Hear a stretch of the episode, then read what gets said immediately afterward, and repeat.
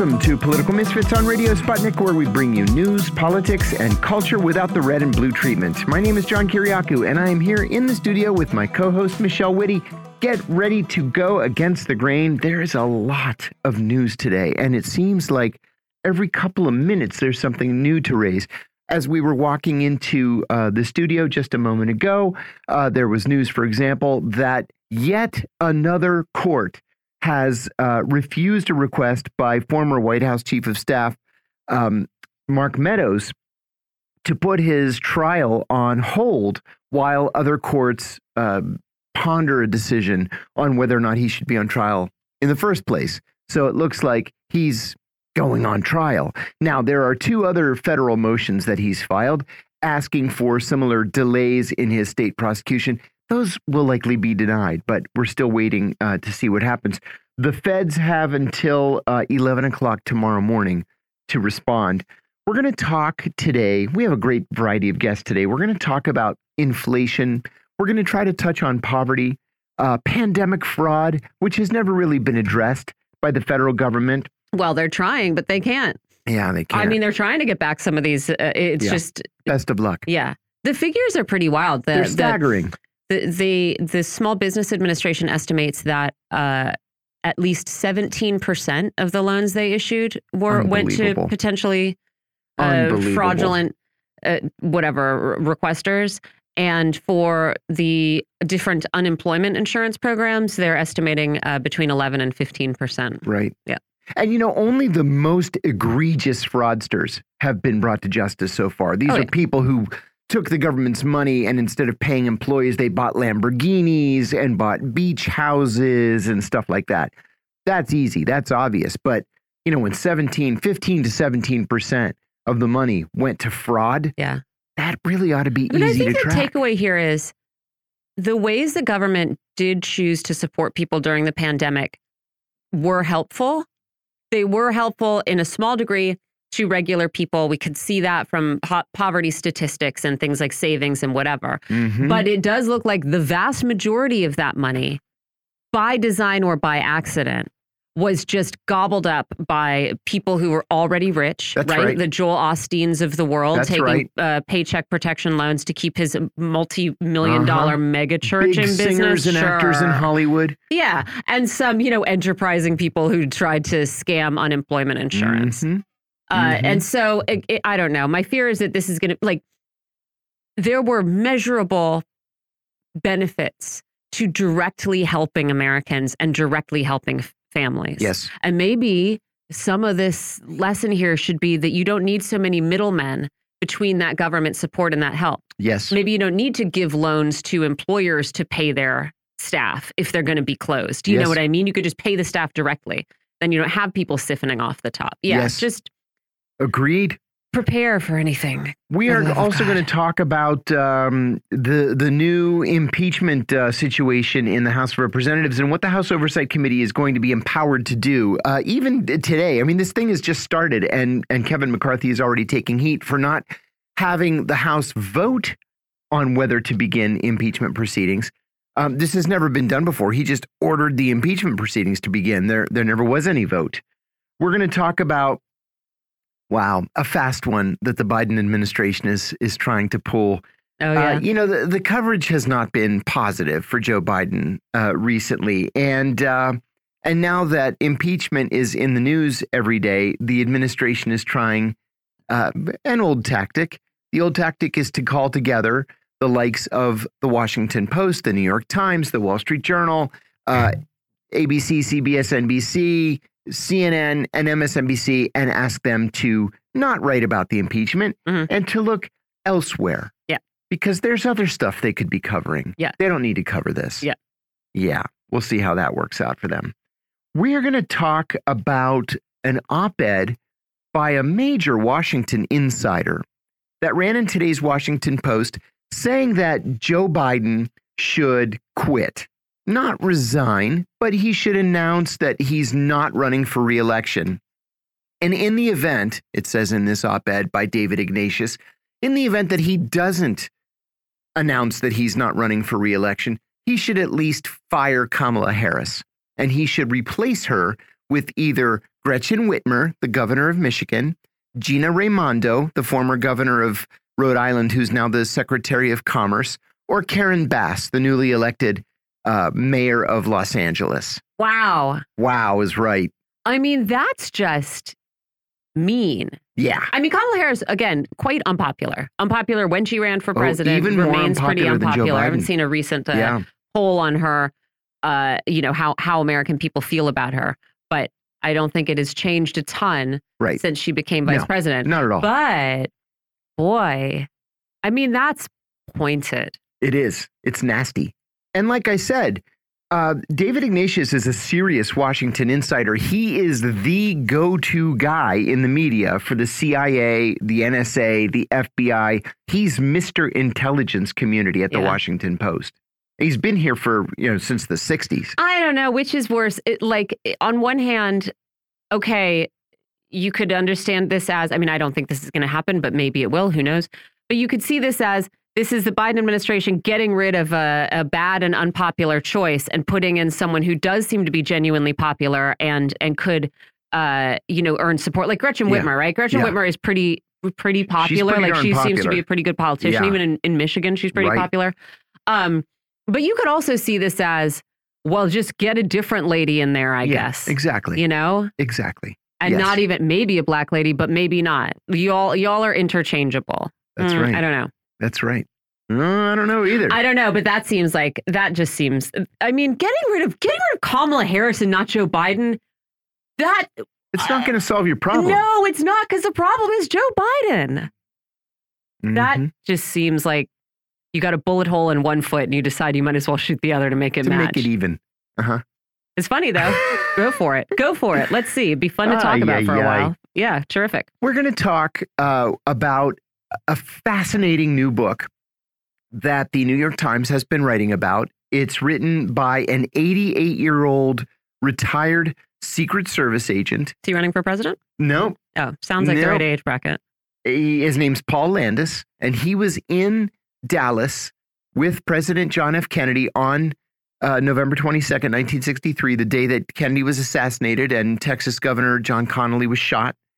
And he seems to to debunk with firsthand experience the magic bullet theory. And the magic bullet theory was that there was this this one bullet and it kind of zigzagged through the air in in a way that no bullet possibly could and it hit Kennedy and then it hit Connally and then it bounced out and et cetera, et cetera. Um, he says that he's the one who found the bullet on the back seat of the presidential limousine. Now, we've always believed that the bullet was found on the gurney that was holding uh, John Connally.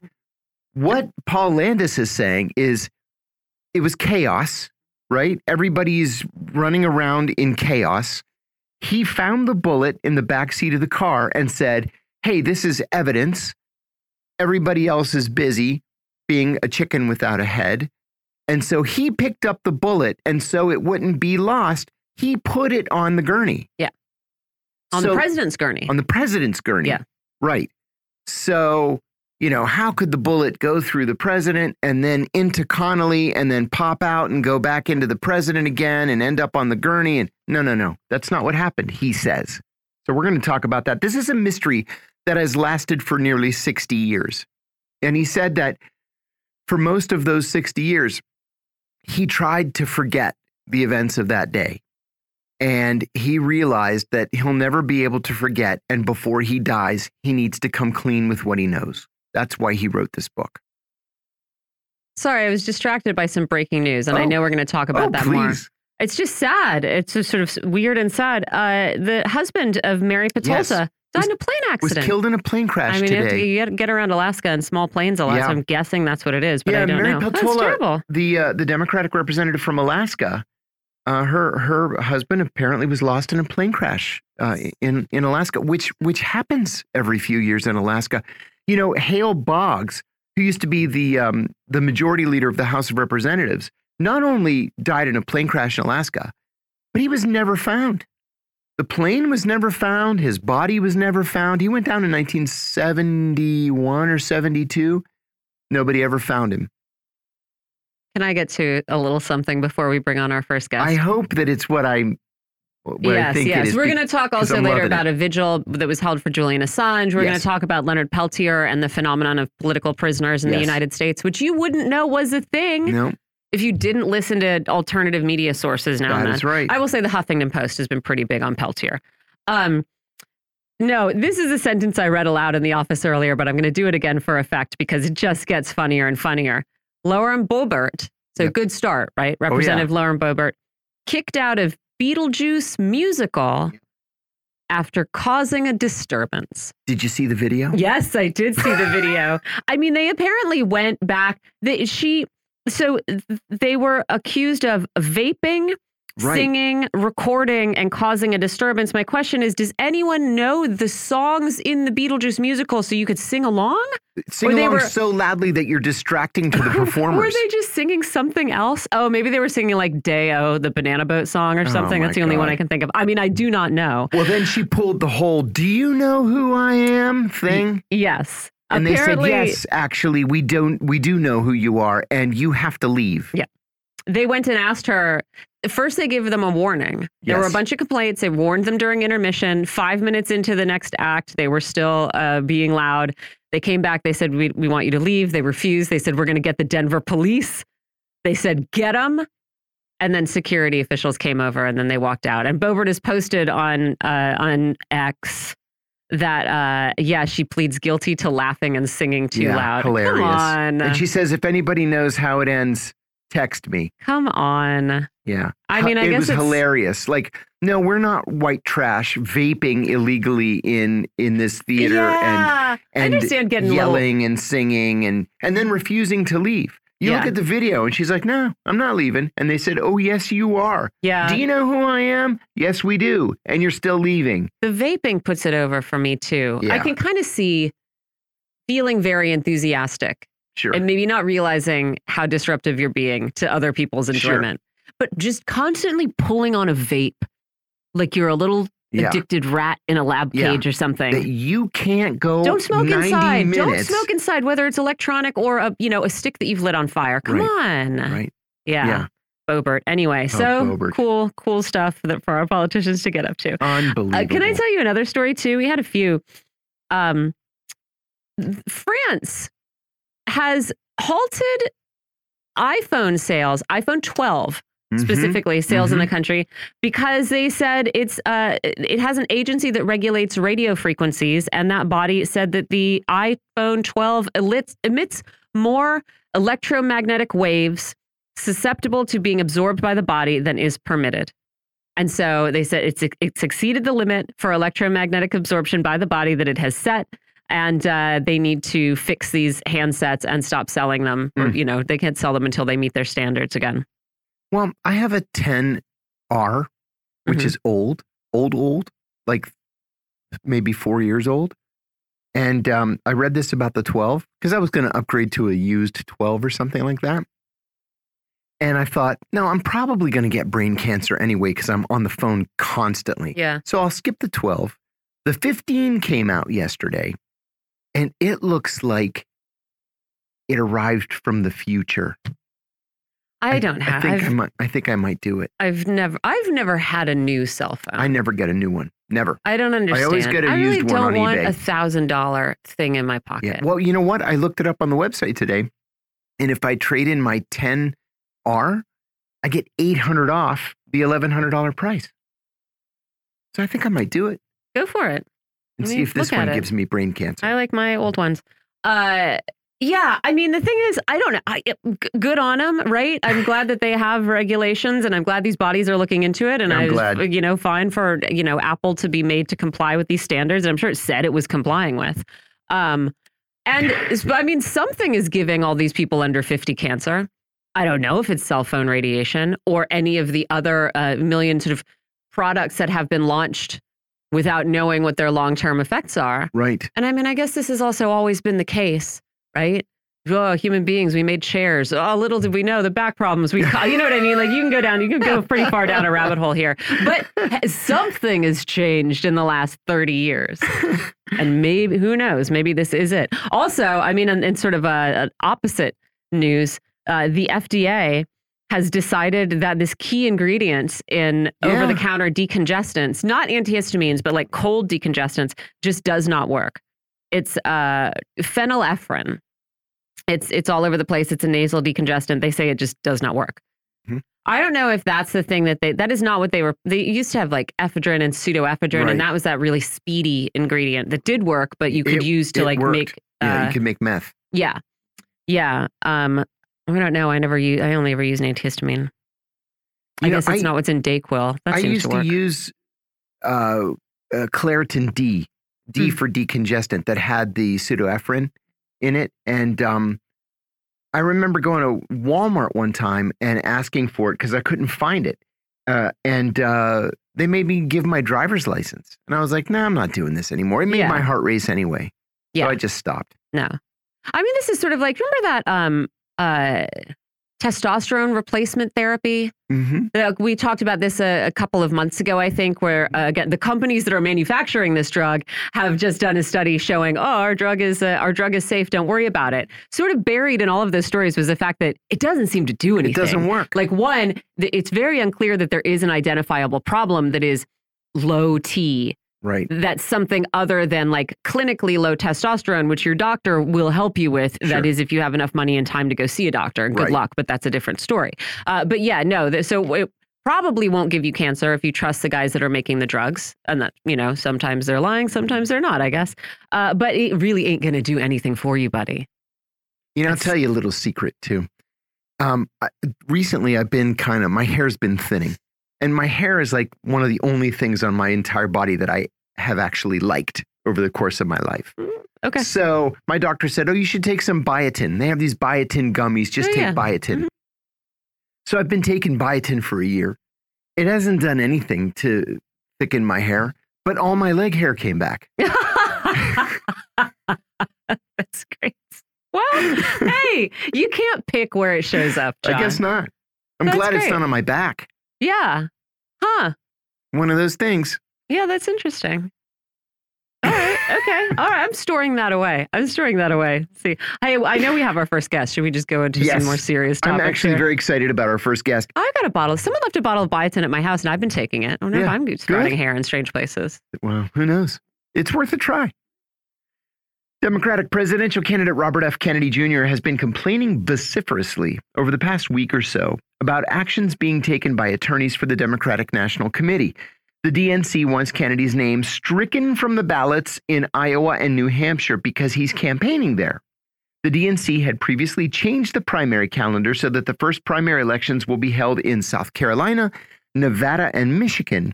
But Iowa and New Hampshire are going forward with their voting because they have state laws mandating that they be the first in the nation. Kennedy believes that he would show strongly in those states, but the DNC does not want him to pick up any momentum. Kennedy is also complaining that President Joe Biden is able to raise unlimited amounts of campaign money because of DNC rules, but Kennedy is relegated to maximum donations of $6,300 per couple. But the Washington Post today took to the front page to ridicule Kennedy's accusations, saying that he and his campaign manager, Dennis Kucinich, the former congressman from Ohio, are just making this stuff up and that Kennedy has no chance to win the nomination anyway. Meanwhile, as we said a moment ago, Washington Post columnist David Ignatius, widely seen as someone as close to being a spokesman for the deep state as there is, wrote an opinion piece in the Post today saying that Biden should withdraw from the race and retire to protect the legacy of his greatest accomplishment, which is defeating Donald Trump. And by the way, if he doesn't quit, he should dump Kamala Harris. And a retired Secret Service agent who was in Dallas with President John F. Kennedy on November 22, 1963, has come out to say that one of the key events of that day has been misreported for the past 60 years. Paul Landis has come out with a new book in which he says that he can debunk the so called magic bullet theory. Landis says that he was the person who picked up the bullet from the back seat of Kennedy's limousine. He told the New York Times, quote, I was just afraid that it was a piece of evidence that I realized right away, very important, and I didn't want it to disappear or get lost. So it was, Paul, you've got to make a decision. And I grabbed it, meaning the bullet. Landis said that he believes the bullet he found hit Kennedy in the back, but did not penetrate deeply, which then resulted in the bullet coming out before the president was removed from the limo. That's what the Times is reporting. He said this has made him wonder if there was a second shooter in addition to Lee Harvey Oswald. We're going to talk about all this with Dr. Aaron Good. He's a political scientist and host of the American Exception podcast on Patreon. He's also author of the book American Exception Empire and the Deep State. Aaron, welcome back. I'm always so happy to have you. Thanks, John. It's great to be here. Thanks for joining us. Let's start with Bob Kennedy Jr. and his presidential campaign. Aaron, he's been generally stuck at around 10% in both national and individual state polls. He doesn't seem to pose any serious threat, or you know what? I'll I'll change the word serious and say immediate threat to President Biden. But the DNC and the Biden campaign, which are joined hand in glove, seem to want to destroy RFK's campaign. There's talk about throwing Kennedy off several ballots, of increasing the number of pro Biden superdelegates, and of restricting Kennedy's fundraising. Why does the Democratic establishment see Bob Kennedy as such a serious threat? Well, the last poll, he had actually gone up a bit uh, to 19%, uh, which was the highest that he'd been. Yes. And uh, I, I think that they see him as a threat because um, the Democratic national. I mean, he is the person who has the best chance of beating Trump if yes. you look at his favorability. And when you look at the polling, they studiously avoid. I don't think I, I've seen a major poll where they actually say like Trump versus Robert Kennedy, for example, or even a three-way Trump, uh, RFK Jr. and Biden uh, campaign uh, like poll. I don't think they've done that either. They've really tried to avoid. I think uh, giving any the big polling companies I see as being more or less uh, analogous to big corporations in the U.S. in general, and so I, I think that they have really tried to avoid uh, letting it be too clear how popular he is across party lines. So I think the Democrats are are you would uh, by the logic of democracy, the Democrats should want the candidate who is has the highest favorability and would be the best candidate to win but they are they they they really don't function as a political party would in a in a democracy. They function at the pleasure of their uh, donor class. Mm-hmm. And um, so they are pretty much uh, BlackRock and uh, Vanguard mm-hmm. and State Street and all of the corporations in the in the portfolios of those huge capital investment firms. Uh, those are capital management firms. Those are like their real constituency and RFK Jr. is calling to really crack down on corporate dominance of the political system and of the foreign policy, which is another way of saying he's calling for uh, winding down the empire, uh, which is at this point, it, the, the empire, the global dominance project, is the central uh, overriding concern of the U.S. Uh, establishment, the, the U.S., the pinnacle of corporate power in the U.S., and it has been since the end of World War II the what gives Kennedy a window now to actually run this campaign, which is scaring them to death, is that it's obvious by now that this is an illegitimate uh, establishment and, and regime that we live under, and it's not serving the best interests of the people. We're spending billions on wars when we have lots of problems at home. Uh, and even spending billions on wars just to lose. We're spending billions and billions of dollars to supposedly help Ukraine, but it's we it's we know now that they tried to stop peace from breaking out uh, very shortly after the invasion with a small force, which was back in February. Which, when you look at it and the way that they approached Kiev, which they couldn't have possibly taken with such a small force, it seems pretty clear at this point that the invasion was really to uh, bring them to the negotiating table and let them know they were serious. But the U.S. said, do not negotiate. And now here we are, 400, 500,000 dead Ukrainians later, and the Russians and you know they're not going to be dislodged very very uh, easily uh, if if at all. And if you do then you risk nuclear war. So it's impossible. It's an epic failure of the US empire. And it's just going to go the way of all empires because it was always crazy to think you could rule the world. Yeah. now here comes RFK in 2024 and he's the person who has a, a family name that harkens back to a time a better time in the United States history. Uh, and also the, his biography, The Assassinations, uh, were never, uh, I mean, the JFK especially, the, the majority of the public never believed the official story. The official story is ridiculous. And we have this new story out now. Uh, so there's a lot of things going on there. We could talk about that newer newer story uh, or the the Kennedy campaign, but in terms of what the Democrats are doing, I I think that they they're realizing Biden is dead in the water. They don't want a primary because who knows what'll happen.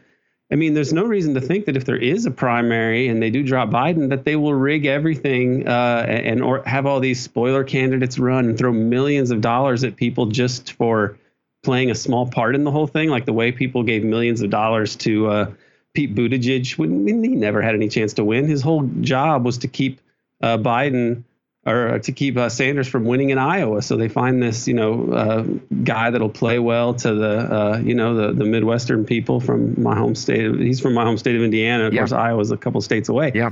But this this is there's every reason to believe they would do that.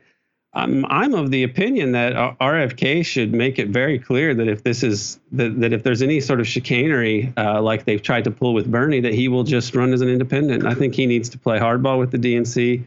Uh, I like the fact that he has done things like take on the big pharma industry. Mm-hmm. To me, mm-hmm. shows that he doesn't mind being. Uh, he doesn't mind if the establishment's going to turn him into a pariah. I think he understands that by now the people, the public is so angry at the establishment that like the that they don't have the ability to really just smear people in the same yeah. sort of way. It's like everything is coming together in a nightmarish way for the establishment the thing about it is, it's in their best interest to reform this system. I, I believe that if they had any far-sighted, uh, wise, humane people among them, and I'm sure that they that they do, but they're minorities at this point, they would realize that this empire is done and that it has warped everything about politics and society for the last, uh, you know, since the end of World War II, and that uh, if they want to have any kind of decent system to live in and for their children to grow up in and for their grandchildren to live in, if they want this country to be a, a, yeah. a country that's viable as a, as a society, uh, then they need to reform this system. They need to acknowledge some of the terrible crimes that they've, uh, you know, perpetrated that have uh, damaged American democracy. Because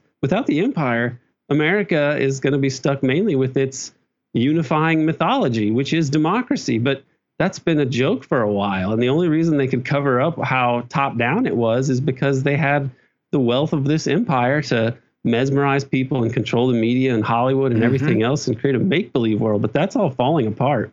Aaron, I'm very interested in getting your view on the interview that former Secret Service agent Paul Landis gave to the New York Times uh, in advance of the publication of his new memoir. He says that after a lifetime of trying to forget the events of November 22nd, 1963, he's finally put pen to paper. He claims to debunk the magic bullet theory, saying that he was the one who moved the bullet from the backseat of the presidential limousine to John Connally's. Uh, I'm sorry, to to the gurney that President Kennedy was laying on. Remember when they rolled Kennedy over to move him from the gurney to the operating table, the bullet was there. Um, he says that he didn't want it to get lost because it was evidence. This revelation could point to the existence of a second shooter, something that scholars and observers have long thought was the case. What do you think about all of this? And do you think there was a second shooter? Oh, there was at least a second shooter. There could have been multiple mm-hmm. shooters. Mm -hmm. I would guess that they probably had uh, triangulation of some kind. So uh, as for this story, it's strange. The guy had in the past, my understanding is that uh, decades ago, even he had talked about finding bullet fragments in the back seat or something. But that, of course, could have come from the headshot. You never really know. Right. I, I think that what they are, what he is saying, as I understand it, is that this must be the this must be the origin of the the, the magic bullet, which is Commission Exhibit 399 and that's a bullet that's in perfect condition. Yeah, if you perfect. essentially. Right. And what the magic bullet theory posited that this bullet hit Kennedy in the back, exited out of his throat, hit Connally in the back, passed through him, shattering some ribs, went into his wrist, shattered bones in his wrist, passed through his wrist, lodged in his thigh, and then popped out in perfect condition. Now, I believe it was found on a stretcher, not even Connally's or Kennedy's, that there's been dis- different disputes over this, but that uh, the best research now shows that it was found on a separate stretcher that belonged to someone else. So this guy's story is it's not that he he could have found a bullet there and he could have placed it where he said, and then that bullet could have disappeared or that could have, bullet could have been moved. If he found if the bullet that he found matches CE399, then it makes no sense at all. But it never made any sense because if the bullet went into Kennedy's back, what he's saying is this bullet goes into Kennedy's back a few inches, I guess, and it couldn't have hit bone. Right. It just or pops back out again. Been, it would have been dislodged there. That doesn't make any sense. Shattered. That's not how rifle bullets work.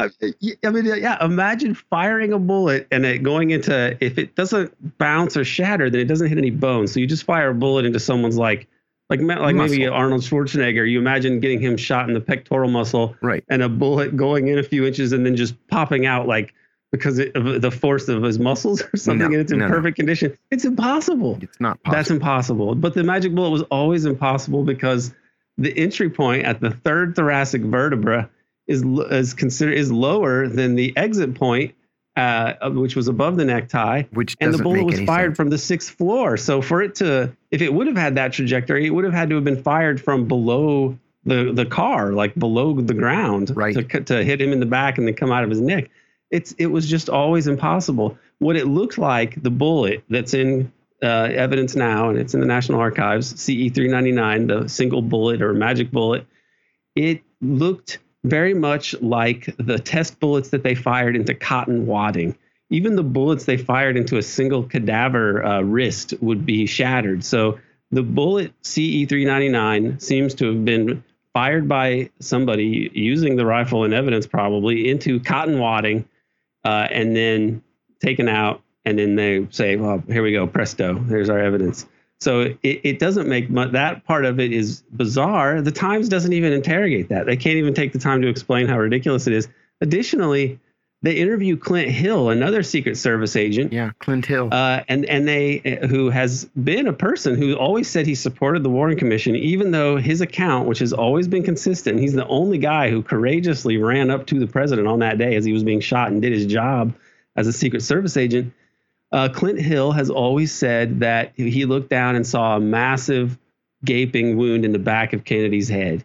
Uh, and this is also this makes it this is totally incompatible with where Oswald was located, uh, and it just is more evidence, along with testimony from doctors uh, who saw Kennedy at Parkland Hospital and at Bethesda uh, Naval Hospital, uh, that Kennedy was shot from the front with a massive rear exit wound in the back of his head, and that has been covered up because they have to uh, put this on Oswald, who is supposedly behind him in the Texas School Book Depository.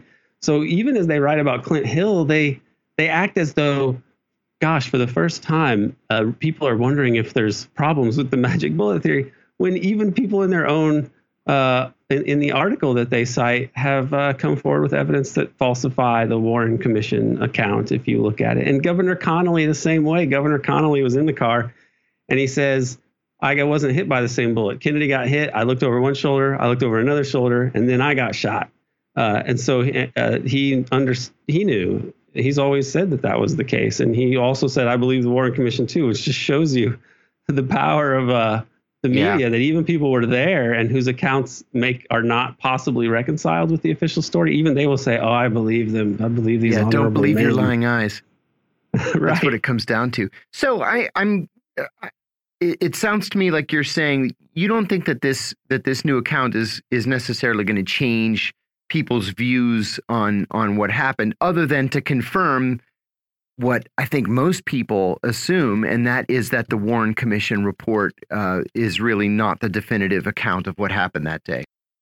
Yeah, I mean, it's that I think most people uh, believe, and I think it, it, got down to single digits uh, in the 1970s as far as people actually believing in the Warren report oh, after they showed the war, the Zapruder film uh, on national television, you could see the president's head flying backward, and it right. looks like he got shot from the front. So at that point, people said, "Yeah, I don't believe that. That's crazy. There had to be another shooter." The question for me is like, uh, in the past, you know, things have come out about uh, the Kennedy assassination and witnesses came forward and books get written and the Times can just ignore them or they can cite somebody like uh, Gerald Posner or Vince Bugliosi, yeah. which they do cite Posner in this new article. It's absurd. He's a plagiarist and discredited person. Right. But uh, why are they doing it now? I'm wondering if uh, it's some sort of hedging of bets. You know, it's the 60th anniversary coming up. You have those records that that are uh, that have been reported on by people like Tucker Carlson that supposedly have not been scrubbed. So they show some incriminating things about the the CIA and Oswald. Uh, you have a, this documentary film that uh, I'm doing some work for. Ford, it's called Four Died Trying. It's a series of documentary films um, you you had the, with the 60th anniversary of the Kennedy assassination is going to draw some attention to the subject. So maybe the Times is thinking like, gosh, it, we we, we may want to sort of get out ahead of this a little way, so we can kind of pretend that. I really don't know why they, they did a write up on this. I would think that they would have just ignored it ex- unless they have some, uh, unless there's some reason or some concern. Yep.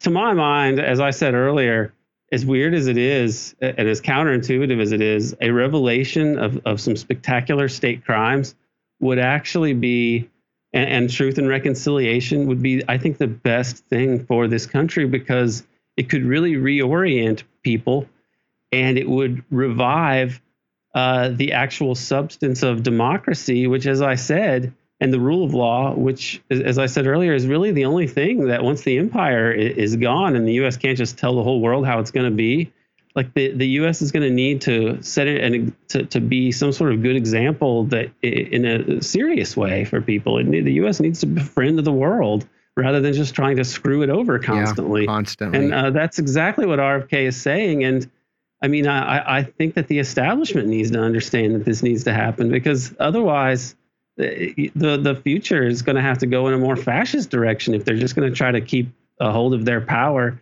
There's just going to be a petty despots uh, ruling over a, a, dysfunctional, an even more dysfunctional dystopian country that used to be an empire now is just a sad corporate fiefdom. Um, turning back to uh, politics for a moment, I was surprised to see this op-ed in the Post this morning by David Ignatius. David Ignatius is arguably the journalist closest to the CIA and to the rest of the intelligence community. He has been for many years. In this op ed, he urges President Biden to not run for reelection. He recognizes, of course, that Biden has serious negatives, especially his age and his mental acuity, and he urges Biden to simply declare victory and go home. Uh, if Biden elects not to leave, he suggests dropping Kamala Harris and picking up either Gretchen Whitmer, Karen Bass, or Gina Raimondo. Do you think we should read anything into into this op-ed beyond it being the opinion of David Ignatius? Is this the opinion of the CIA, of the intelligence community? Is there some bigger message here? Right. I, I see also I see um, Ignatius as being kind of like a uh, 21st century version of Joseph Alsop, who uh, oh, was good. That's a good comparison. He, yeah. I mean, he was a to where when you get to a certain level of like power, then it's not. It, it's it's more like he is a spokesman for the establishment. In my estimation, he's a spokesman for the establishment, just like the CIA is the sort of uh, intelligence HQ and secret police for the establishment. Uh, so I, I, see them as I don't see him necessarily as purely a CIA sock puppet, although he may be if the CIA ever says, "Hey, could you do this or do that?" He may do it. Sure. But I mean, he seems like someone who's dedicated to this to this establishment and the bigger project in a, in a sense of which the CIA is also dedicated or to which the CIA is dedicated. So I think it is important to note to notice this. And to me, it says like, yeah, I, I think this is a good sign that Biden is not going to be on the ticket. I think is it's too embarrassing at this point. My money would, I mean, I wouldn't bet the house on it, but I would bet a, a tidy sum that Biden will not be uh, the nominee. And the question is, how can they rig it in some sort of way to make sure that uh, the democracy doesn't somehow win out? They need to be able to, to choose their own, you know, stooge, just like they did with Biden in 2020 as far as dropping Harris goes, I mean, she is not a very strong candidate, but it's so funny because the the Democrats will be like hoisted on their own petard. Really, they. I mean, how can how can they treat this, uh, you know, woman of color this way? Oh right. my God, you right. know, and like you're that's such ma- white privilege and. Uh, you know, erasing her like this. Oh no, this is gonna. It would not play well to their, to their shrinking base of uh, you know PMC identity politics people. Yeah. I don't know how they can get rid of her. I think that they're stuck with her, but uh, it's you know it's kind of funny to watch. Um, Aaron, before we let you go, tell us about this outstanding podcast that you and David Talbot have been working on. Very exciting stuff. Yeah, it is called Devil's Chess Club, and it's on the American Exception Patreon account. So if you, people subscribe to American Exception on Patreon, they get it there first, and then it goes to Rokfin. Uh, it's called Devil's Chess Club, named after, inspired by uh, David's book, The Devil's Chessboard, about Allen Dulles and uh, America's secret government. And it's been me and David Talbot and Bryce Greene, who writes for Fair. Uh, the first week we talked to David Talbot about his own books, and that was great fun. Uh, this next week we're talking to Noah Kulwin, who uh, did the Blowback uh, podcast on Afghanistan, really epic 10, 10 part podcast. Uh, and then we're going to keep talking uh, to David Talbot about politics and history, and so people people should follow that Devil's Chess Club, and it's part of the American Exception uh, podcast, but it's sort of a standalone thing. And we're also on YouTube uh, the American Exception channel. Excellent. That was the voice of Dr. Aaron Good. He is a political scientist and host of the American Exception podcast on Patreon. He's also the author of the book American Exception Empire and the Deep State. And as he just said, he's the co host with David Talbot of the Je Devil's Chess Club podcast. Thanks for joining us. You're listening to Political Misfits on Radio Sputnik. We're going to take a short break and come right back. Stay tuned.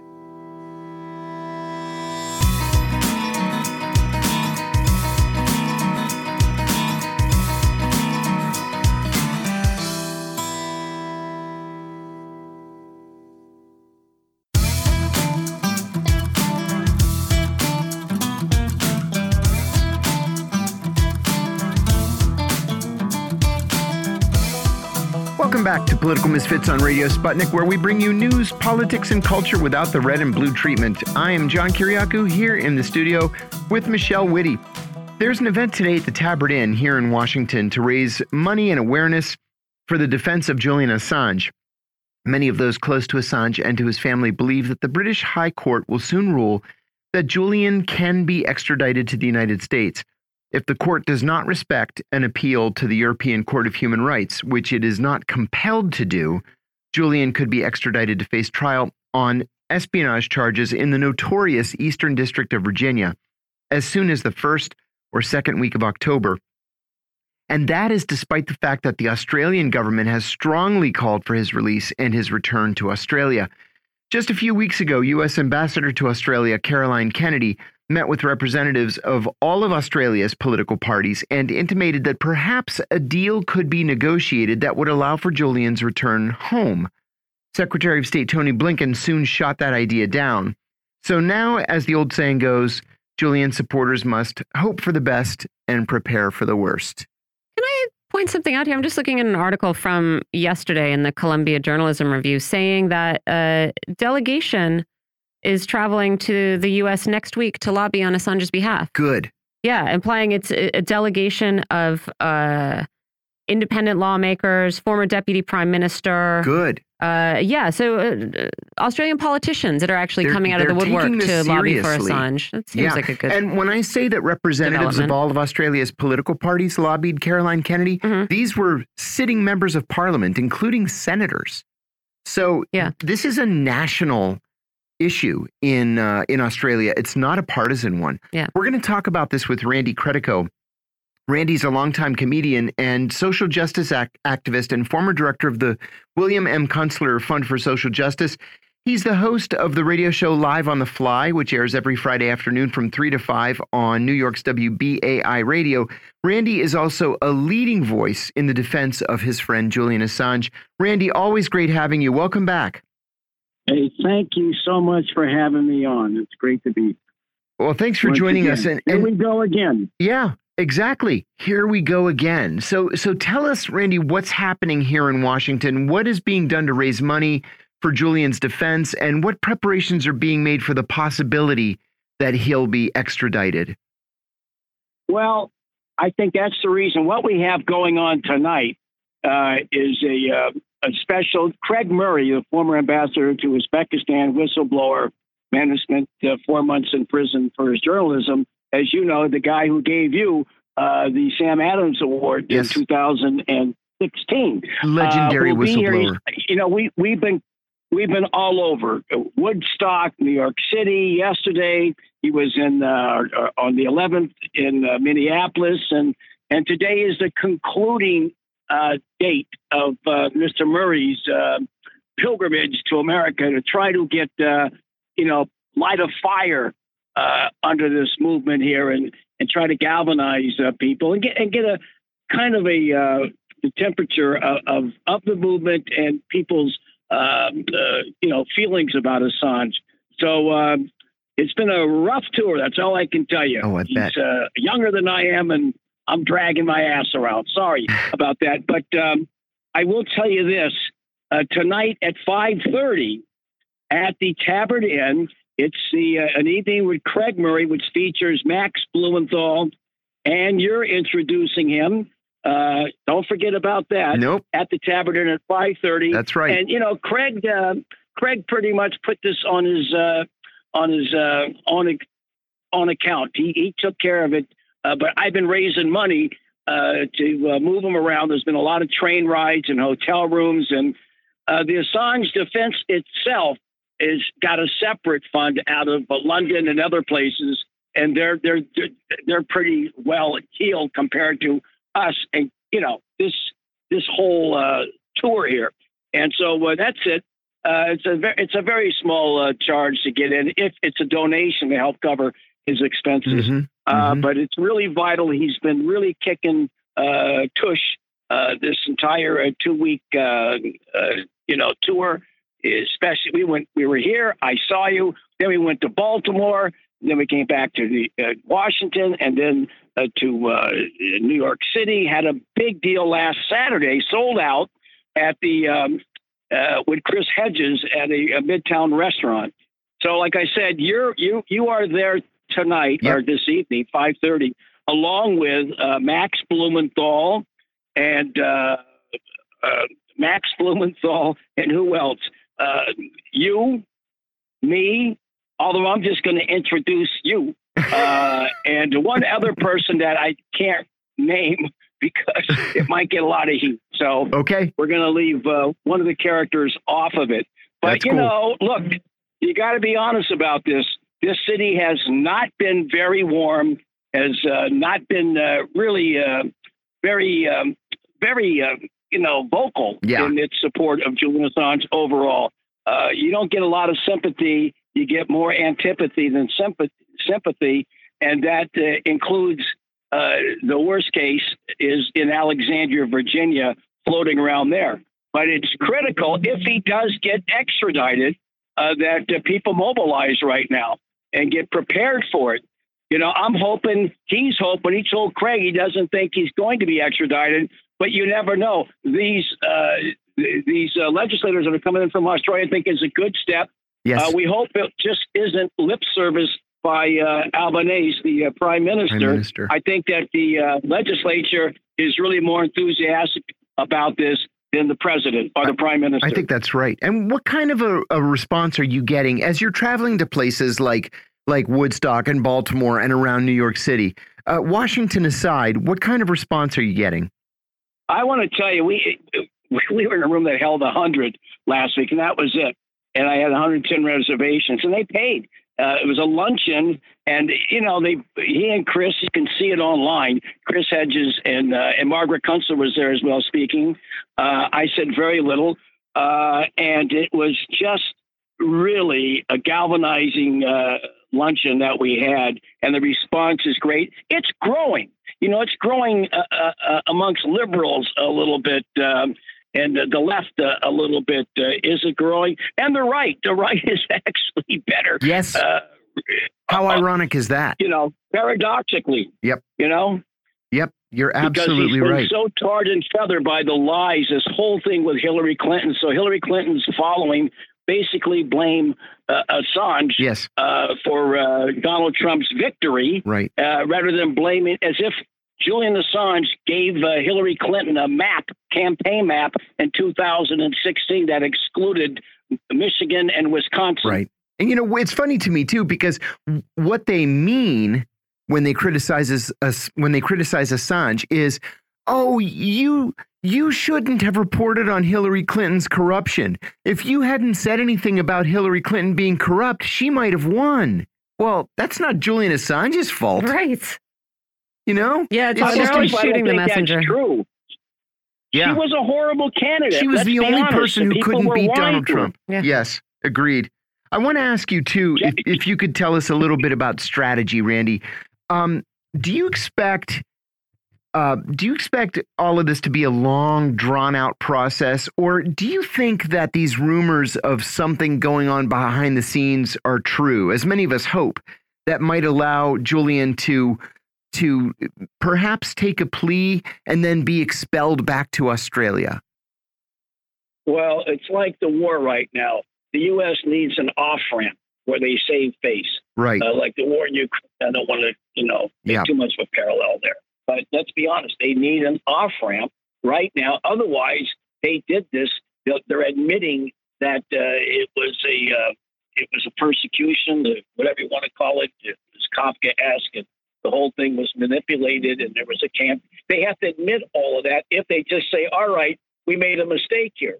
So, I the only way I can see it, where either he wins in court here, and you know how impossible it is to get out of uh, out of Alexandria, Virginia, yep. you know, alive. Yep. So uh, it, it's like trying to get, you know, uh, trying to take off that iron mask by a Victor. All right, you can't get out of it. Uh, so I don't think, I don't think, uh, you know, he can win in court there. I know it will be a long process. It'll be another five years uh, going through motions. He's not going to come over here and plead guilty, and, and the judge says, "I don't like the deal now. I want to give you 10 more years in prison. So you know that's going to be it's going to be a major case, and it would fall right before, right before the next election. I mean, Biden is already you know got lower uh, approval ratings than Satan. So I don't see why it would do him any good uh, to bring him over here at this point in time. It might do him some good to say, all right, uh, I, I support the First Amendment and we made a mistake. That would be good for him. Yeah. You know. Yeah. Hey, I wanted to ask you, you at the same time. Yeah, I wish. Fingers crossed. I wanted to ask you. I I, I was talking to a to an Australian, um, a pro Assange Australian activist two days ago, and I asked him the same question. It was just a private conversation. I said, "Do you, you think there's any chance, maybe, of of a plea deal where Julian takes a plea, he's sentenced to time served, immediately released, and then sent home to Australia?" And he said, "You know, Julian is such a man of principle." I'm not sure he would accept a plea. I think he would want to go on trial if that were the case. What do you think about that? I think that's a bunch of hogwash. I think yeah. at this point, you know, his kids have been without him for five years. Right. His wife has been, for you know, all of this time. We don't want a a dead martyr. We want a live martyr. That's right. Someone, you know, if somehow they could work this out, spend whatever.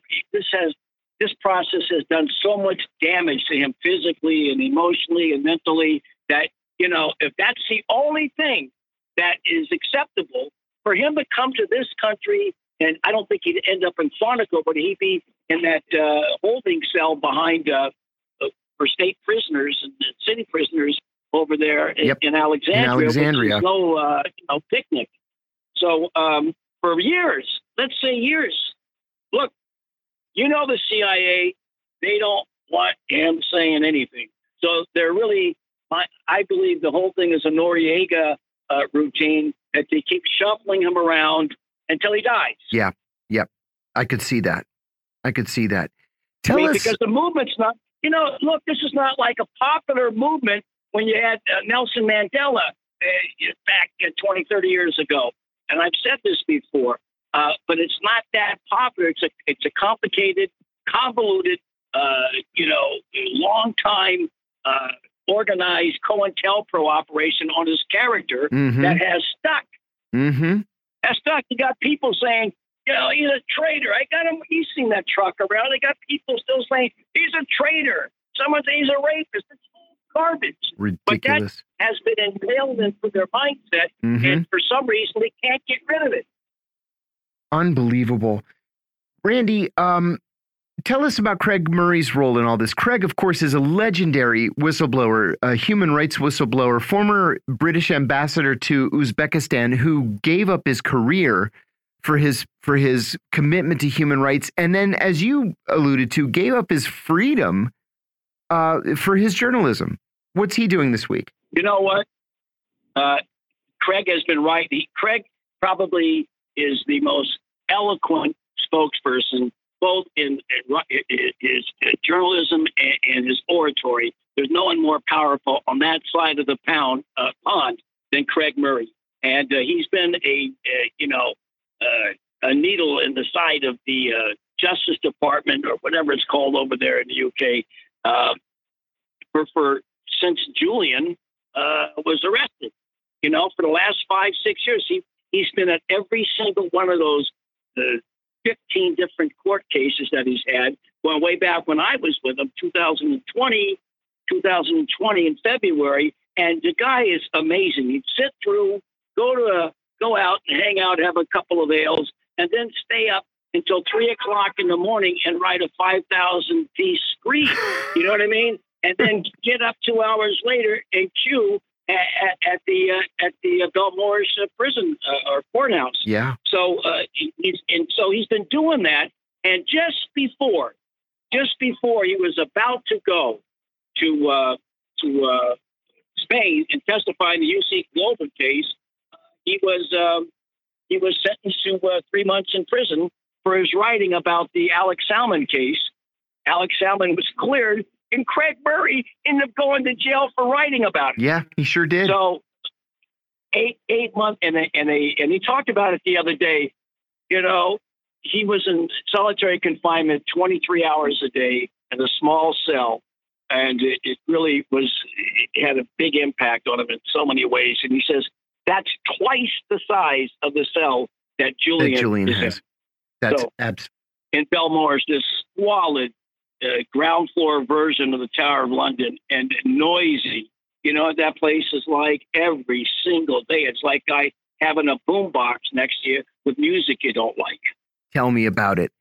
Everybody in my housing unit unit was a uh, was a would be rapper, and I mean twenty four seven. It's that's all it was. Yeah. It was constant noise. Now, imagine putting that in a in an urban setting, so you're getting outside noise on top of it. It's ridiculous just amazing, amazing how noisy it is. And, you know, but, you know, Craig said the last time he saw him that he looked better and, uh, and, and seemed emotionally better. So I don't know. There's something that we don't know what's going on yeah. right now. Yeah. I just don't see Biden really pulling him over in the middle of the night because uh, I think that will light a fire here. And yeah. the press will have no other choice than to uh, cover it mainstream press, and then, you know, let's look at those videotapes again. Let's look at the videotape, the videotape of those guys in the helicopter yep. killing 20 That's right. And, and then uh, and then we decide walking free. We, you know that? Yeah, then we decide if it's free. Julian that's the uh, that's the criminal. I'm sorry that we're at the top of the hour and I've got to let you go. Randy Credico is a longtime comedian and social justice activist, the former director of the William M. Kunstler Fund for Social Justice and host of the radio show Live on the Fly. Stay with us. You're listening to Political Misfits. We have another hour of news coming up. We'll be right back.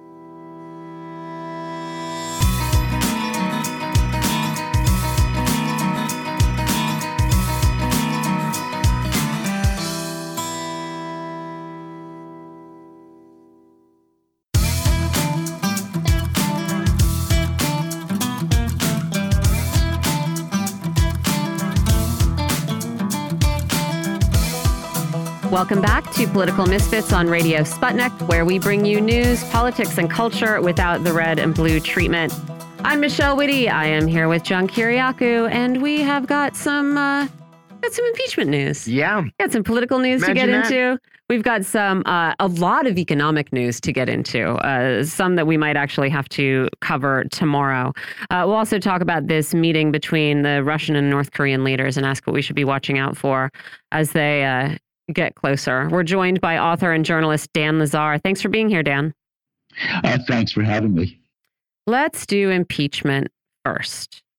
Uh, so the White House's position on this is that Uh, Congress has been looking into the Biden family for months and found nothing. Republicans, if they were here, I'm sure would counter with, well, now we can issue subpoenas. And so I wonder, with this new authority, new legal authority that the House Oversight Committee is going to have, uh, whether you think Joe Biden has anything to worry about, either legally or politically. And uh, what I mean by that is, you know, uh, people have been pointing this out for some time. This actual impeachment doesn't really have anywhere to go, right? It is very unlikely that there are the votes for it in the House. There definitely aren't in the Senate. And so this is perhaps best seen as an effort by Republicans to at least put some media heat on Biden.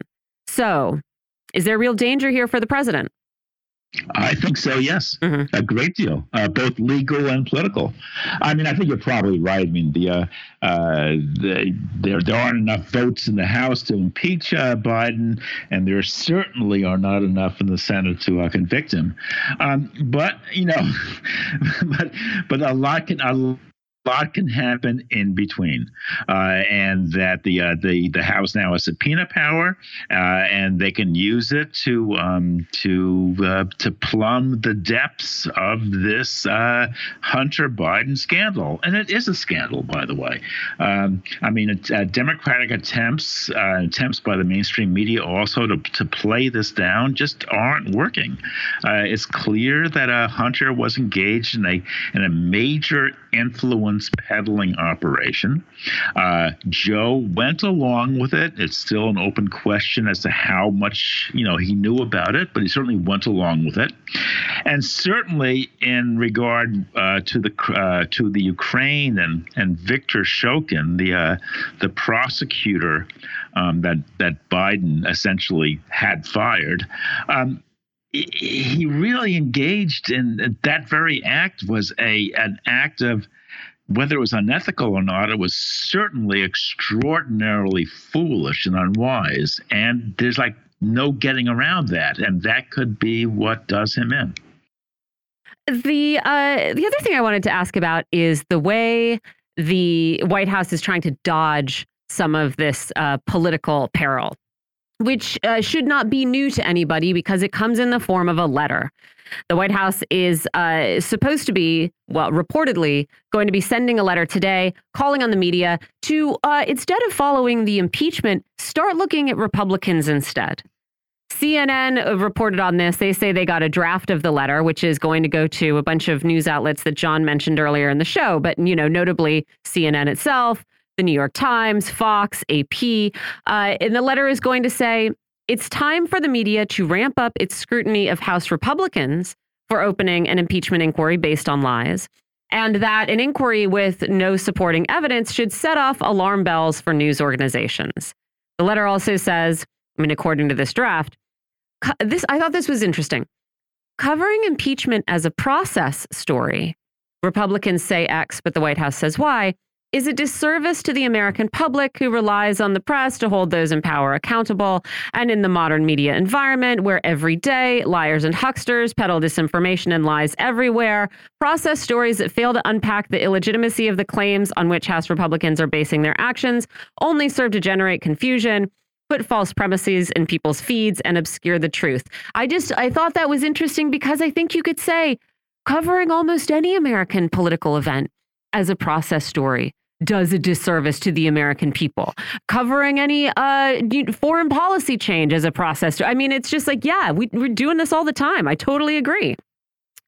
Uh, CNN here is is it pains to say uh, that portrayals of Biden are as corrupt are baseless, which would seem to be a claim that is baseless, uh, and that Republicans are doing a twofer of both mis and disinformation. Um, but this is the second time that we have talked about the Biden administration writing to the media to tell them how they should cover a story. And I kind of wanted to ask is this normal? And should we maybe be a little bit concerned? To me, to me, what's striking is that it, this strikes me as a, as a really a bad move. Mm. I, I mean, it places the media in an impossible situation because if they if they do sort of like you know look at this thing and you know then do the kind of in-depth reporting the White House wants to see, i.e., in-depth reporting that exonerates uh, Joe Biden, um, they'll look like shills.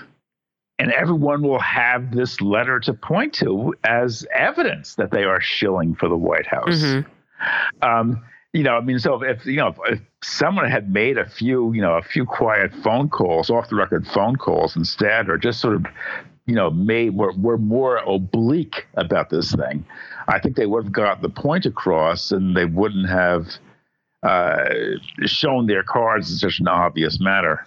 Um, but yeah, the the White House wants the uh, wants the press, the mainstream press, which is um, which is largely pro-democratic.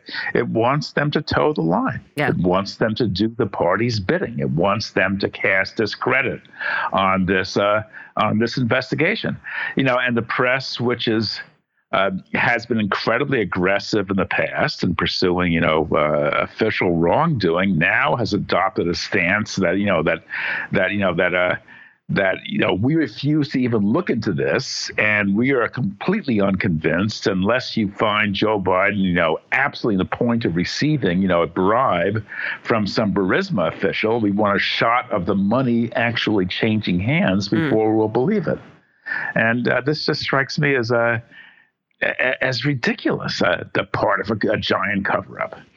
I find it funny that uh, CNN jammed in that uh, these portrayals of Biden as corrupt are, are baseless. I mean, that to me seems like, I mean, one, it's editorializing, and two, it just falls. Even if he, I mean, I don't think Joe Biden was taking suitcases of money from anybody because I don't think that you have to do that kind of thing, right? At the level that he's at. But I mean, certainly there's some basis for at least questioning because everything he said about his, uh, you know, well, many things that he has said about uh, the role that he played in his son's business deals have been demonstrated to be false. And if you do have this extremely messy son who has a lot of uh, links to his dad, whether they are sort of ethical or, or unethical, I mean, you do at the very least have Joe Biden fibbing about them. Yes, you have Joe Biden fibbing, saying he never discussed uh, his son's business affairs, even though he attended dinners with his son's business partners. Allegedly, all they discussed was the was the weather, but that seems that's not really very plausible. And uh, fishing. Uh, they discussed also fishing. Mm. Correct. The post and then, then there's the there's the there's the ten percent for the big guy, but you know, but uh, but of course that's apparently not evidence of wrongdoing, even though it strikes me strikes me as perfectly evidentiary. Uh, and so uh, and so um, you know the the press you know this is the complete reverse of of RussiaGate which mm-hmm. occurred, you know, which is which occurred just just three or four years ago, and then the press was absolutely hysterical and jumping on every shred of what you know every every shadow of an evidence mm-hmm. you know every shadow had the had the press going crazy screaming the walls are closing in you know Biden, you know uh, Trump has been uh, clearly exposed as a as a as a Russian puppet, et cetera, et cetera, et cetera. You remember the whole the whole thing. Now the press is adopting the opposite point of view, where you know where it refuses to believe anything you know, mm-hmm. you know, until, as I said, until you know someone actually gets a photograph of of, of money of, of, of Joe Biden pocketing a bribe. Yeah. He was just carrying that suitcase for his son. he had no idea. he had no idea that had five million dollars in it. Right, exactly. All right, let's uh, let's talk about this uh, news about how Americans are doing financially. None of which has been good. Uh, today we got new inflation numbers. Inflation has increased a bit again, driven by rising gas prices. Rents are still going up. They are up 7.8 percent since August last year. Although we are told that this is the slowest rate of increase in rent since last fall which is uh, not a data point I find as soothing as I think they would want it to be. Bloomberg is reporting that personal consumption is about to hit a wall. And as John and I talked about yesterday, Politico, uh, in the midst of all this, wants us to think of poor Joe Biden as his big, beautiful Bidenomics collapses around him. Never mind who is actually in the wreckage there. And so with inflation, it, you know, it ticks up, it ticks down. And it seems to me the message from this month's report is that inflation is kind of stuck. Uh, you had the consumer price index rising 3.7% uh, in August for the year. That was faster than the month before. That was faster than economists had predicted. That's being attributed to a jump in fuel prices. But this core price index, which um, excludes food and fuel, this also uh, climbed 4.3% from uh, a year ago. That was less than last month, but on a monthly basis, it climbed faster than economics uh, economists expected. It went up 0.3 percent. Uh, this is also while American paychecks rose 0.2 uh, percent. So there's a there's overall 0.5 loss in per, percent loss in purchasing power for the American worker in August, according to the Labor Department. I don't know. Uh, to me, all of this uh, it tells me. Well, I, I don't know what it tells me. Does it tell you that we are going to get more interest rate increases? Like, what does this mean for our future? Um, the whole thing. I, I, the whole thing. I, I I believe that inflation will be a problem for a long time. Yeah.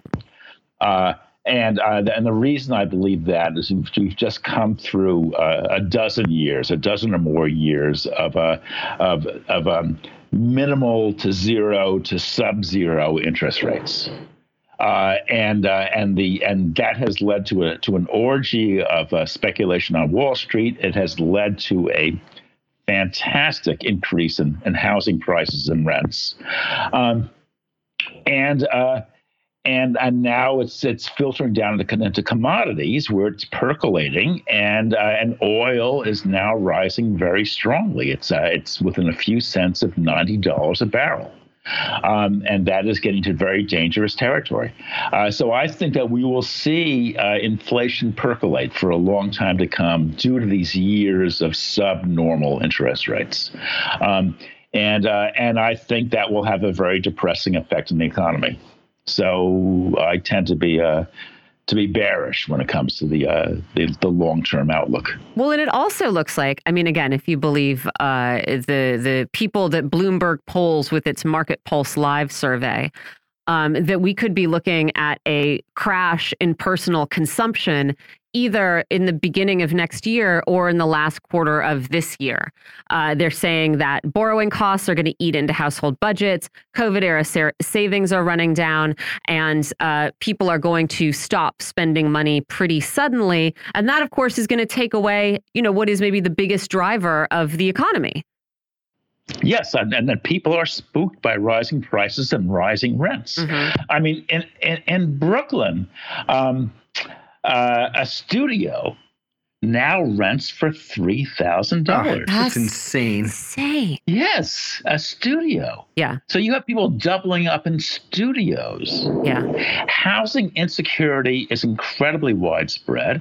The uh, and that is resulting in first of all homelessness. The Wall Street Journal uh, about a month ago had an article uh, where they found that homelessness was increasing by eleven percent per year. Uh, the Journal had another article saying that uh, that that landlords are now ta- uh, um, tacking on fees, monthly fees, which essentially tenants can't say no to. So, so tenants are being hit by uh, people are being hit by rising housing costs, rising food costs, rising fuel costs, and I think that that that not only is this diminishing, you know, having a dampening effect on on consumption, but I think it's uh it's spooking them, it's scaring them, uh, and it's there, thereby driving down uh, consumption all the more. So, I, as I said, I'm, I'm, very bearish. I don't see how this can uh, this can uh, can end up well. And, and, and look, you know, we see all around us. I mean, our society is a is a mess. Homelessness is exploding. Uh, the cities look wretched. Uh, um, uh, the New York Times had an article just uh, last week about how childcare costs are extraordinary. Mm-hmm. People making three hundred thousand dollars a year, couples making three hundred thousand dollars a year, can barely afford them. Yeah. Now this is this is a this is a sign of a of a uh, an economy in distress and and and working people in great distress, and that's why I think that people are really dissatisfied with this this economy, even though.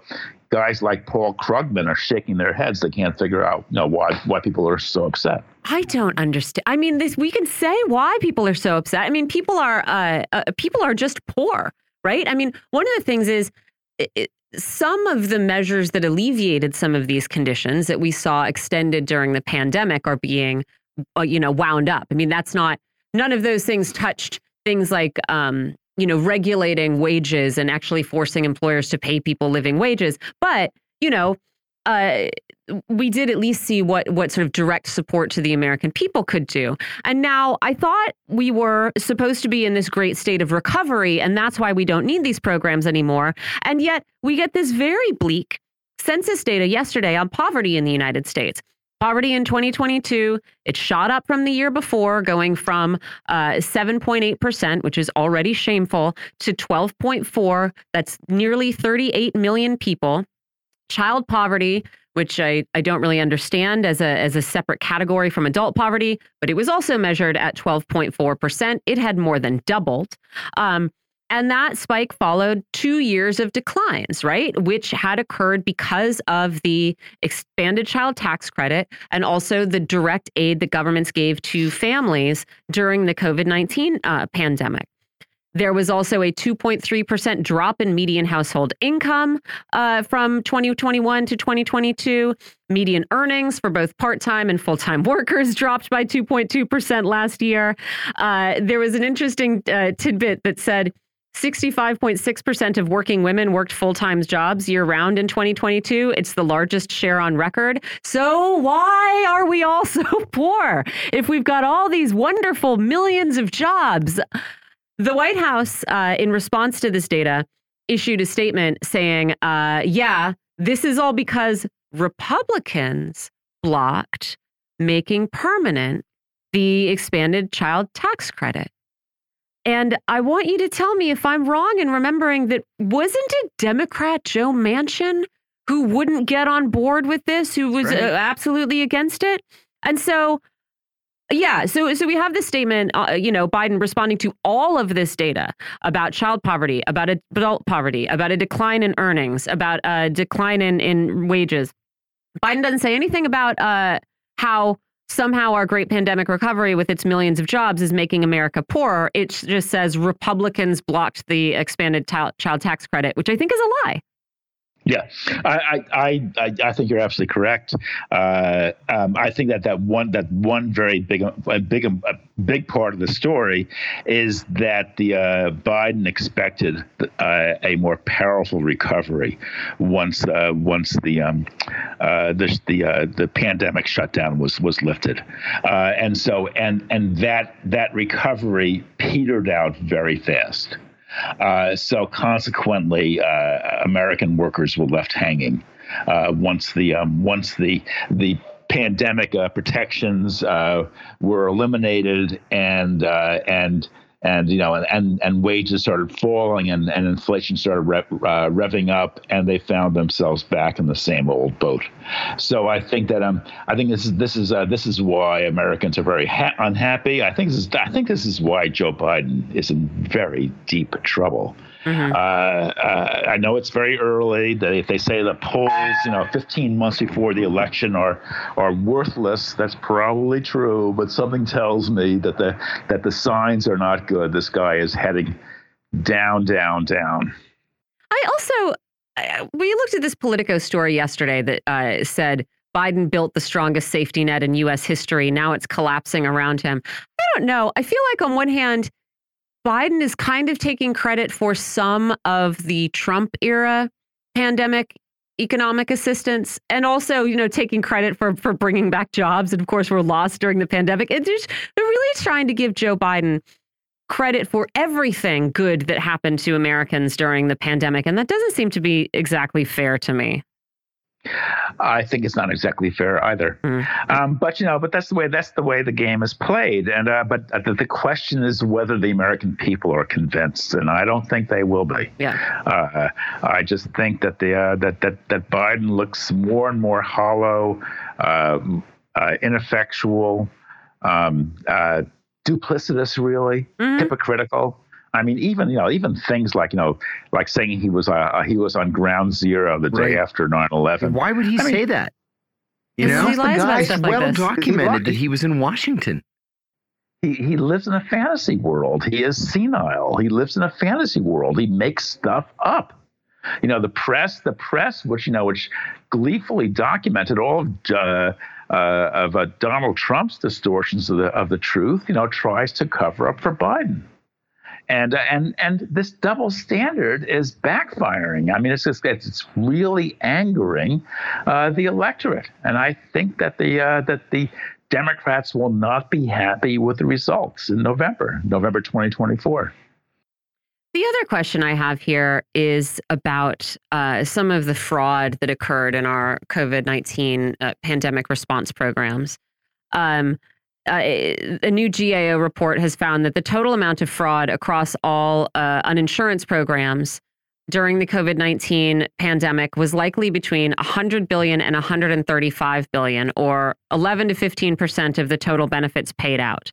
Back in June, the Small Business Association estimated that it disbursed over $200 billion in potentially fraudulent COVID 19 loans. That was at least 17% of all the loans that were disbursed.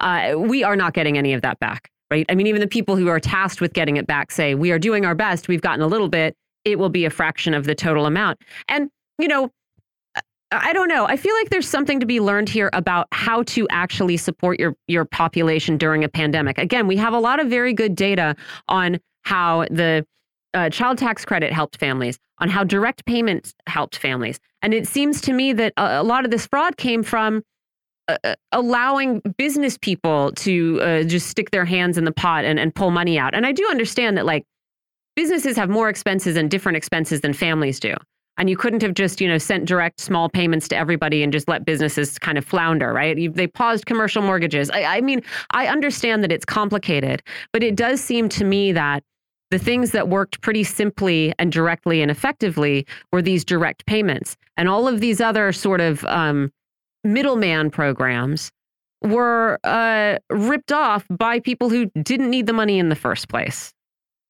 Correct. I mean, these these these programs were first of all wildly wildly regressive. They went to the to the uh, to the the richer segments of the population who had less need of them. Number one. Number two, there was little accountability.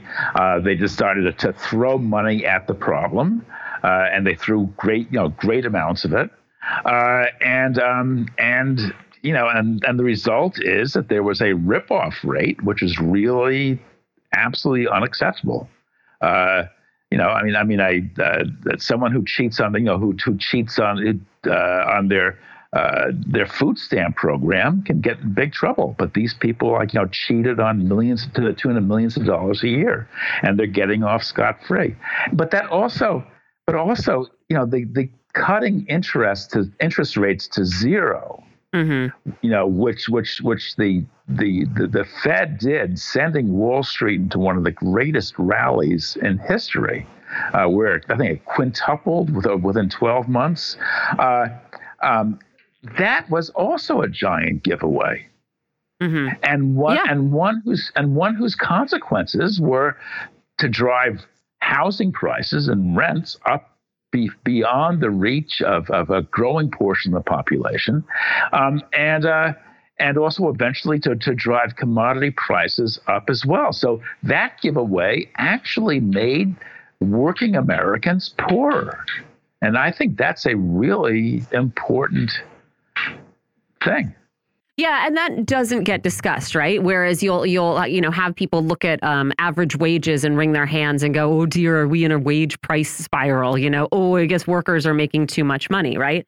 I mean, we're always told that this is public money. So again, it's it is uh, the the working people who can least afford it who are subsidizing uh, these uh, grants to businesses, either in the form of the Paycheck Protection Program or in the form of you know zero interest rate loans that they can play with forever and ever. And then we're the ones who have to suffer for it because we will suffer from these austerity policies and like, oh gosh, we gotta, we gotta, you know, we can't possibly let families not pay more tax on their kids anymore.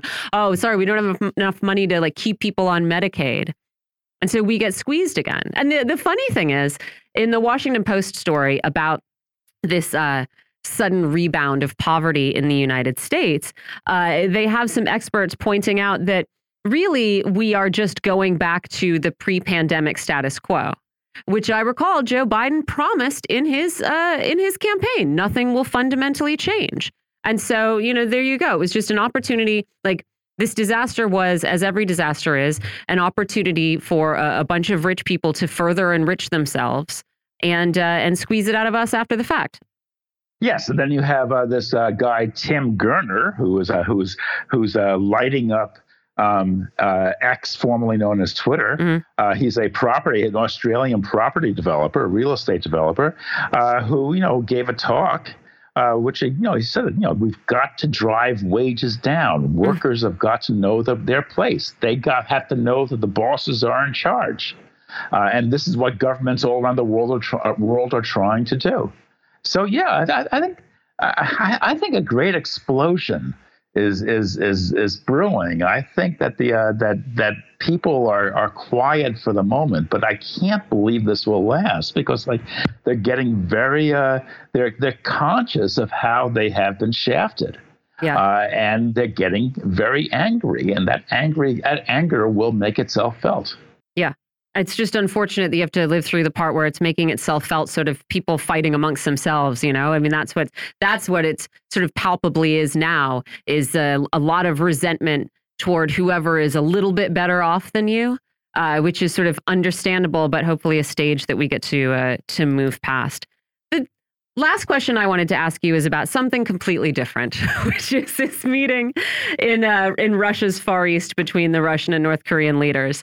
Uh, the the most significant thing here, because we don't have any details uh, as far as I can see about what they might actually each be shopping for, but they did meet at the Vostochny uh, Cosmodrome, uh, and the location would appear to be a signal that North Korea is interested in Russian space and satellite and missile technology, and that Russia might be interested to sell. Certainly, it's interested in, in showing it off.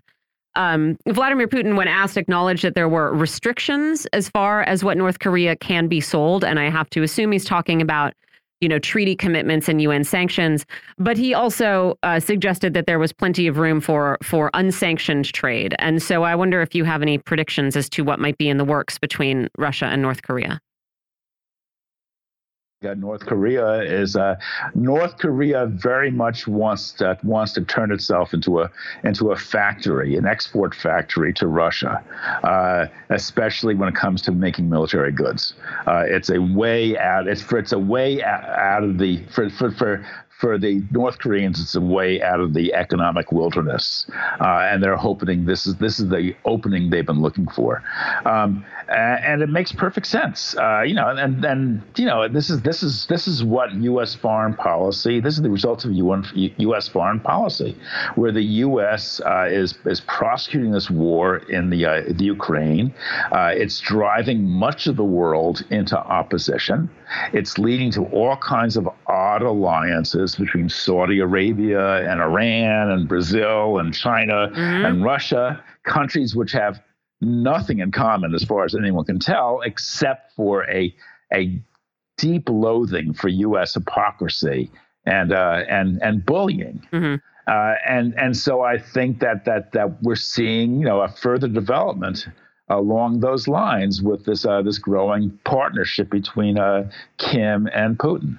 Uh, and I think it'll be mutually beneficial. Beneficial. I mean, I, I, mean, Putin needs industrial muscle to prosecute this war, and uh, and um, and North Korea is happy to provide, you know, what it can. That was author and journalist Dan Lazare. Dan, thanks so much. I always appreciate you joining us. Thank you. We're going to take a quick break here and come back and talk about political prisoners, which, as we all and know, we exist in other countries and not in the United. So I'm sorry, John. No, I was just saying they exist elsewhere, and we're going to talk about how we should write letters to them, but we definitely don't have any here. So you got to put extra stamps on. Right. You're listening to Political Misfits on Radio Sputnik. We're live in DC, and we'll be right back.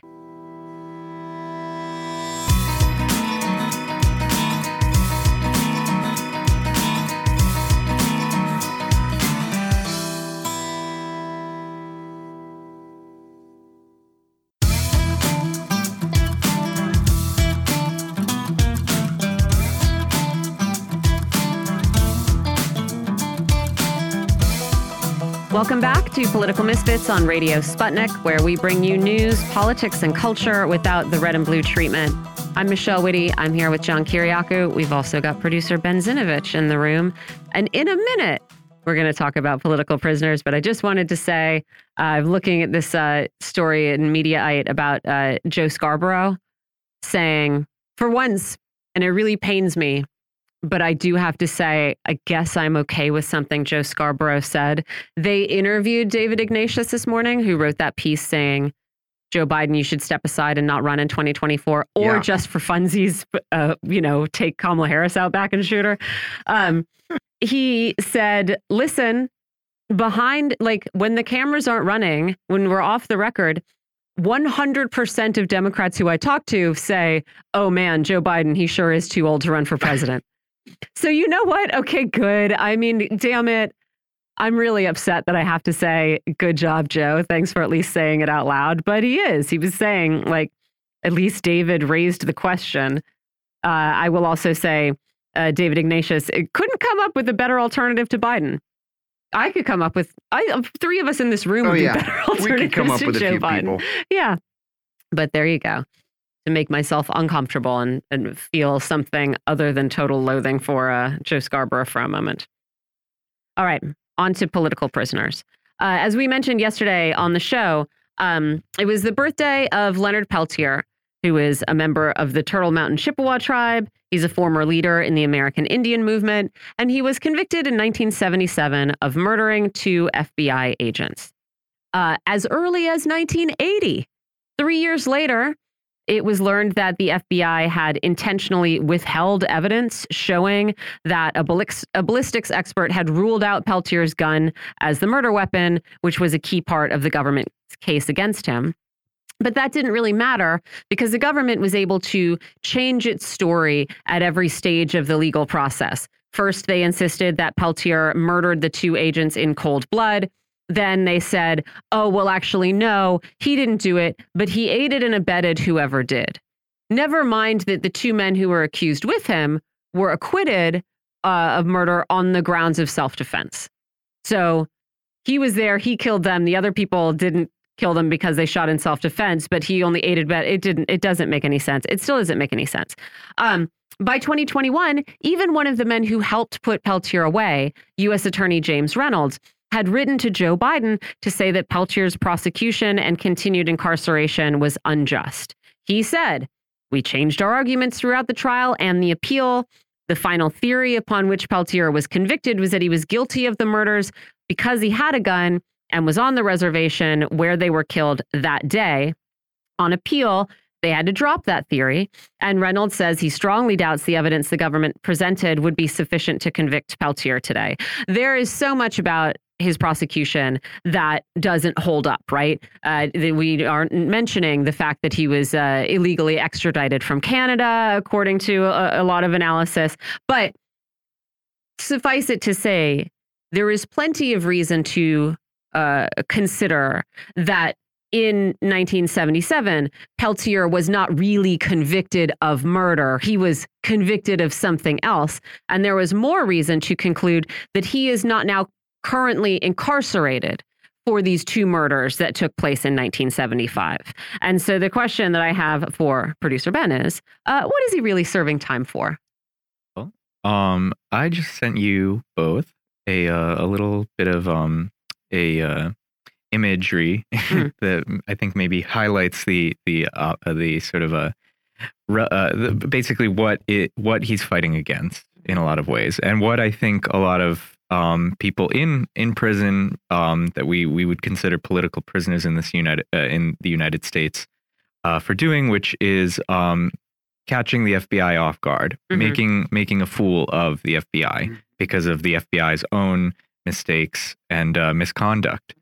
Um, so yeah, one of the I just shared a, a, photo of the FBI marching. You know, they these were all FBI agents. Um, they all had their guns on them towards the White House on December fifteenth in two thousand. Um, and they had a, a, little banner that said "Never forget the the um, agents that were killed um, during the shooting um, in the incident at the Oglala." Um, and it it was essentially, you know, a, a, in, a, in many ways, it was a threat. I mean, an if, armed rally in front of the White yeah, House. Presidents, yeah. uh, I mean, I, I've been to many rallies. I've never been to an armed rally in front of the White House because usually that would yield some sort of response by uh, by Secret Service. Um, so this was in in many ways a threat because Clinton was on the path to granting clemency, and then the FBI sort of moved in in this way and suddenly clemency wasn't an option, and and now we're here 23 years later um, with Leonard Peltier still in prison. I mean, the question I have is uh, also uh, every time clemency for Peltier comes up, the FBI, eh, as it did in, in 2000, rushes in to say, absolutely not. Uh, as recently as 2022, it wrote in a statement that it remains resolute against the commutation of Peltier's sentence and that we must never forget or put aside that Peltier intentionally and mercilessly murdered these two young men and has never expressed remorse for his ruthless actions. I mean, that's because he maintains his innocence. So he's yeah. not remorseful for a thing that he says he did not do. Um, but again, it is people who are involved in the prosecution who say, listen, this would not hold up in court today. We did things that we shouldn't have been allowed to do. It is former FBI agents like Colleen Rowley, for example, who say, it's an outrage that Peltier uh, remains incarcerated. And so I guess, you know, I, I, have a question about the FBI itself, right? I mean, of course, I understand um, wanting to ensure justice for your own fallen, uh, you know, uh, brothers gang members, comrades, however you want to define them. but but in this yeah, but in this case, I mean, it seems like I don't know. They, it seems like they didn't get the guy. And so, uh, you know, this is just is the FBI a sort of remarkably uh, intransigent agency? And there were the the thing is, so the two deaths, uh, there were the two deaths of the two FBI agents, Jack Coler and Ronald Williams. There was also a third that died on that day who was native, Joe Stuntz. And they've never cared to investigate that death. They've just basically, you know, thrown it away. It's just a it's a case that's not like he's basically persona non grata. Um, but they exclusively focus on these deaths. And so, you know, if if this is a whole bureau federally of investigation, yeah, what, and they're not doing that in this product uh, in sort of a high profile case this is a moment i think in the 70s where there was just sort of the peak of um, native and indigenous um, organizing you have things like the american indian movement mm-hmm. um, aim which is uh, not only not only uh, declaring sort of a resistance to the federal bureaus the sort of uh, bureau of land management the um, Bureau of Indian Affairs, all of these uh, sort of things that manage people's lives on increasingly desolate, isolated terrain. I mean, if people have been to reservations, it's it's you're in the middle of nowhere. Like it's not just like you're. I don't know. We've all been to Colorado. We've mm-hmm. talked about it, but it's like it's a different story because there's just not there's like I mean, there's not running water on yeah. a significant percentage of Navajo Nation right now, exactly. right? Like this is yeah. what we're talking about. Yeah. yeah. And so you have this and you have these people uh, responding to it. And so the first thing that the FBI is brought into is to essentially crack down on that. And mm -hmm. it's mm-hmm. it has it because, of course, the American Indian movement um, was much more of a, a, leftist associate, had a much more a leftist association. I mean, uh, Leonard Peltier himself is a self-identified socialist um, this was this couldn't be for the FBI. So they the, it, it was less that they were there to keep the peace or solve the crime, um, but uh, participate in the the long term uh, project of uh, counterintelligence. I mean, my question is, no, uh, I don't know. Does no law enforcement body in the United States like to admit that it was wrong? Or is the FBI particularly unwilling to ever look backward, even if it means, you know, upholding a miscarriage of justice. I don't know. Uh, John, do you know anything about can you talk to us about this? Is this something is you know, is this sort of replicated in every small town police department or I, are there agencies that are genuinely interested in in solving the crime and bringing someone to justice and not just uh, oh, tying the, a bow around I a situation? The internal pressure is is so great that there is not a desire to to realize that a mistake has been made and then resolve the crime. Because you can you go back and say look you know the the cops that did the investigation made a mistake or the FBI agents the prosecutors made a mistake the jurors made a mistake. Everybody was wrong. Everybody was wrong. They're going to have to admit they were wrong or the courts are going to have to admit on their behalf that they were wrong. And people don't want to go down that road. You know when you talk about someone as being a political prisoner as many people, uh, and I think, you know, we around this table, of course, would consider Leonard Peltier to be. I think people have a sense that that that means people who are in prison for their politics.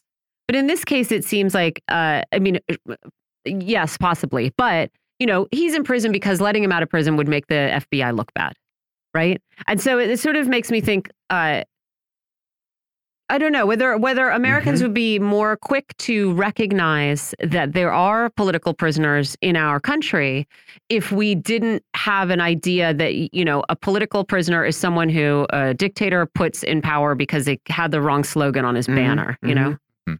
Yeah, it, they are only picked up at you know some demonstration and and such. I I I was actually at um we I was at the uh, demonstration that was in front of the White House yesterday. Um, and you did have people who were, I, uh, 35 people were arrested um, for doing just that. Mm. Um, but you also had, I after this, I went to um, a a speech and um, sort of just a roundtable discussion um, at the Institute for Policy Studies with um, the deputy foreign minister of Cuba, uh, Fernand, um, Fernandez de Cossío, and he uh, was actually asked uh, a question about uh, the July 11th uh, sort of NED US backed um, sort of uh, it was basically the intent for the United States to sort of create their own sort of George Floyd protests in right. in, in the US in Cuba and um, uh, these sort of more establishment figures in the room were essentially asking um, well, if you just released your political prisoners, uh, don't you think the blockade would have ended? Like, don't you think Biden would be more willing to uh, appease your your call for the end of the uh, economic strangulation of your people? I mean, which has been going on. Uh, has oh, been lasting for six a, decades. It's a it's a question that is so Dang, stupid as to be upsetting. Yeah. I know that's going to be what does it after and, 60 years? Yes. Yeah. And I mean, uh, and so the the foreign minister responded, you know, we there's there's we could always talk about um, the uh, expansive and unju largely unjust uh, um, criminalization and uh, incarceration of millions of Americans, largely black, um, in the United States, and we could even cl classify them as political prisoners. Um, but we don't have a we we choose not to essentially because mm-hmm. it's really not our say as another as another country, and we see that as a form of um, interfering in the sovereignty of another country. Um, but I, I, there's another there's another aspect to this. I think the the, the Palestinians always regard every single um, Palestinian that is locked up in Israeli prison as a political prisoner, um, which is you know in the the thousands um, at any given day. I think it's a, I think uh, seven in ten Palestinians are um, have ha have been imprisoned or jailed at some point by the uh, Israeli detention system. Many of them children. Who should we consider political prisoners in the United States? Because again, I was sort of joking, but it is true. We don't think of this as a phenomenon that exists within our borders. We have the example of, uh, example of uh, Leonard Peltier. I mean, you know, you could you we could, if we wanted to, make a sort of philosophical argument that every poor person in U.S. jail is a political prisoner, or at least a you know a good uh, chunk of them. But like in terms of you know examples we could actually point to and say, no, come on, look at this. Look, look at the, the case of Leonard Peltier, who was convicted on, in a trial that wouldn't. Uh, you know that, that wouldn't get anywhere today and has been you know stuck in jail you know hasn't even a, a had in decades of prayer of receiving any kind of clemency. Were there other examples like him? Well, there's also uh, Mumia Abu Jamal, mm -hmm. um, who has not been able to really get a fair trial in the in the same way. I, I should also point out that um, uh, even even back then in the late 70s, um, Leonard was uh, acquitted uh, by a by a jury, and the FBI could, did not allow that to happen. So he went through appeal and said, "No, no, no, it wasn't a murder. It was aiding and abetting." Yeah, yeah, yeah. and so it wasn't. It was as, as it was then. It still wouldn't uh, stand. But uh, with Mumia Abu Jamal, it's a similar case where you know uh, essentially framing mm -hmm. um, because of uh, basically political actions and his his ties to the uh, the the move uh, movement and the, the the Panthers and the Black Liberation Movement within Philadelphia. Um, we have also the the recent uh, release, though, which I don't know. Maybe we can also get into of of people such as Sundiata Acoli, um, Ruchell Magee, um, these are these are people who were um, a part of this Black liberation struggle in the 70s and 80s. Um, and uh, you obviously have Assata Shakur, um, uh, who I grew up in in New Jersey, and there was always the sort of uh, Joanne Chesimard Day, where they would um, the state troopers would always have similar to this weird uh, armed uh, armed protester rally with the FBI. They will sort of uh, cry these tears about the uh, the deaths of these um, state troopers and try and pin it on the, uh, sort of um, black liberation fighters within um, within the I, I don't want to say that they were Panthers, but I think they were part of the Black Liberation Army, um, uh, including Assata Shakur. She escaped, of course, to Florida, and um, that is actually one of the things uh, that is uh, is the United States considers a reason for putting the the status of state sponsor of terror on Cuba for so-called hosting um, yeah. a basically a, a black civil rights activist. And uh, groups negotiating with the Colombian government. Yes, so dishonest. I mean, the other thing I think is that's worth contemplating is the weight that uh, the government chooses to bring down on on these people. I mean, we we talk about uh, sentencing in the United States pretty frequently. We have uh, incredibly excessive sentences compared to a lot of nations we would consider our peers. But the lengths of time that prisoners like uh, Mumia Abu Jamal, Leonard Peltier, and other political prisoners spend in, in jail, uh, uh, you know, into their, uh, you know, old age without any, you know, hope of, of parole, you know, can, asking for clemency, having people, you know, petition. Uh, I don't want to say that there isn't any hope. It would be great if Joe Biden uh, granted a, a, clemency to Leonard Peltier tomorrow. But I, I don't know. I feel like something something about how draconian the response is feels either way out of step with the threat or um i don't want to say appropriate to but like demonstrates how upset they are at, at what was attempted there. You know what i mean? And so i wanted to ask you about that right? It's sort of when they come down hard on you that's when they're worrying. And and looking today i mean we have seen uh, a real groundswell of for example, indigenous led uh, protests at at big energy projects. But I, you know, I, I don't feel that the government is in danger of being toppled in, in the coming months by uh, the, the protesters at Standing Rock. But certainly the response is as though they fear that. Well, there's, I mean, I always think of the case of uh, George Jackson um, in the in the early '60s in 1961. Um, he was given a sentence of year to life, mm -hmm. um, uh, in indeterminate sentence uh, for um, allegedly robbing a gas station of seventy dollars. Mm. Um, and you know, he was just in prison, and that was just sort of the the the role. And he wasn't even he wasn't necessarily like political. However, in the prison system, he became political. Um, and that's when he became more a part of the the the Black Panther, uh, the, the prison wing of the Black Panthers. Um, and so you see this uh, sort of, I think, solution to um, the the upsurge of more popular revolutionary socialist radical movements um, in the United States. And I think the solution has always been to um, just put these people away. You, I mean, you can't you can't kill all of them, so you have to do something about it. Uh, I think you anybody who is you know you have people that are such as Huey Newton, Angela Davis, um, Fred Hampton, who never, I mean, may have seen prison time, but uh, was just summarily executed um, by the FBI and the Chicago, uh, Chicago Police Department. Um, but I think that this, this, what's important is understanding that these uh, these famous instances, I think, led to what became the mass mass incarceration system that we deal with today. Essentially, understanding that uh, you know we can't institute um, a form of uh, sort of outward apartheid system on the streets um, but what we can do is remove certain people if they don't meet the regard and, and whatever. And that certainly speaks for the highest and more like conscious people within uh, the black uh, population in this country. I also wonder about um, recognizing that there are political prisoners in the United States, right? I mean, this again, a lot of what we talk about comes back to a problem of uh, of media and education. You know, whose job is it to, you know, sh show the United, show Americans actually what people are serving time for? You know, it does feel like there would be a lot more recognition that this is a phenomena that occurs in our system if we had a media that was willing to cover things objectively. Yeah.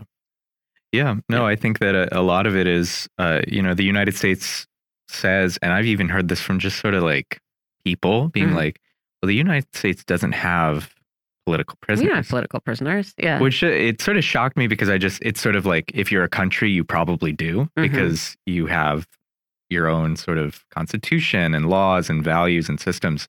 And so if there are dissenters by nature, if they if they call if they present a risk to that system, you know, there's no there's no there's no established ruling class that has ever sort of yielded power willingly. So why like why wouldn't that be the case everywhere? Mm -hmm. Um, so I think that with that, yeah, there is. I think it, I think in terms of who it's on to really uphold this cause, you see it in the streets with with uh, issues of uh, Mumia Abu Jamal or um, Leonard Peltier, where there are there needs to be sort of or Julian Assange. Mm -hmm. There are issues of uh, just uh, promoting this, promoting the call, but also raising awareness to these cases. Because the other thing is, you're not going to hear. There wasn't actually. It was surprising to hear because of um, perhaps everything we've talked about today with mm-hmm. the sort of waning approval of uh, Joe Biden in the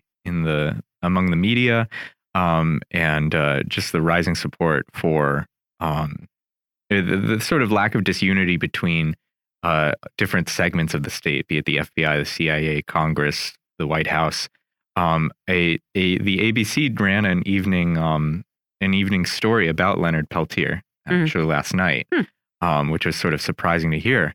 Um, but I, I, think because there is a movement that is able to push these forward, um, it, that's the only way that you're going to hear about any of this. I, I remember hearing once, I grew up in like a relatively progressive family, and I always sort of cared about these things. Um, and uh, it's uh, I, I recently read that I think only seven percent seven seven percent of Americans know who Julian is. Yeah. Wow, that's shocking. Yeah. Yeah. Wow. Seven percent. Seven percent. My God. It My was, God. Yeah. I mean, even if you number. don't like Jul if you don't like Leonard Peltier and you you disagree with what he may have done, or you agree with what the FBI's version of events happens to be, you should at least be studying the case in college, mm -hmm. right? At least. I'm sure this should FBI be part does. of a part of a class. It depends on what your major is. I, maybe, but I, it's no, we shocking should. we should all be just counteract this sort of. Uh, you, you, there should be wow. a program in college that's just called like unpicking exceptionalism, right? Because yeah. that's what right. this is. Like all right. of this is coming back to this idea that.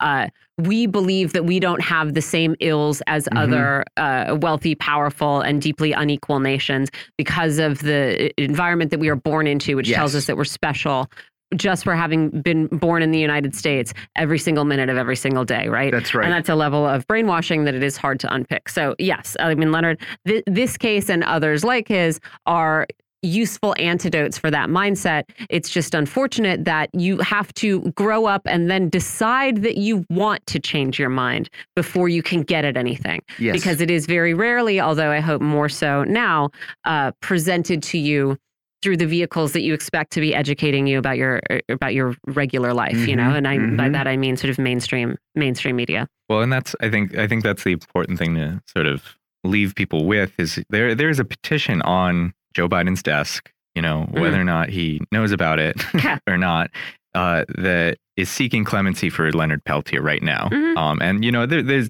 these times are different than perhaps the Bill Clinton era or, or years before that, there is a movement, I think, and more awareness for um, the issues and concerns of Native and Indigenous peoples mm -hmm. in mm-hmm. this country. You have, I mean, this is after like the Standing Rock um, battles around the Dakota Access Pipeline. Um, there's the movement against um, the missing and uh, murdered Indigenous women in a lot of Western uh, Western states and areas with large indigenous populations. So I don't. I think that again, this it takes that. Yeah. It, it, I mean, then the question you have, within, uh, it's not within a vacuum. We're running out of time. Oh, John, you said the Assange, not Peltier, study the case. Let's see more. Whatever. I, study both. I, I thought I corrected myself, but Whatever. I meant I meant Peltier. I mean, I think the question that, that will arise, uh, because I think you're right, Ben, is how much influence does public opinion still have, or does public desire still have on decisions made by the American government? And I am very afraid. I mean, we're seeing the same thing uh, in terms of uh, support for Palestinians, right? Yeah. That there's been a huge shift in in um, public support and public opinion do we still have any levers to transfer that into uh, action at the at the level of government state federal whatever? I don't know. I don't know if they're there. I don't know if they've been there for a while. Obviously that doesn't mean we can't create new ones and should but that's the that's the question. Yeah. i yeah. We got like one minute left and i just for some reason feel very much like i want to take a look at this uh, story from libya again just to point out that uh, it looks like I mean, we we've already got a a death toll, I think, of five thousand, but uh, there are people who are worrying that the death toll could be something like twenty thousand people. A lot of people. It is. It's an incredible amount. And as uh, you know, Mark Sleboda uh, discussed yesterday, you know, this this infrastructure was not just sort of passively damaged by uh, inattention over the last decade, but uh, deliberately wrecked in a lot of cases by this uh, NATO backed war in Libya. And yeah, so, right. again, uh, nothing that happens in that country should we consider separate from our responsibility. Yes. Ugh, what a horror. Uh, we should say, too, that uh, that uh, Senator Mitt Romney uh, just moments ago announced that he will not seek reelection in Yeah. Utah. So goodbye, Mitt Romney. Won't miss you. That's all we got time for. Thanks, everybody. We'll see you tomorrow. Bye.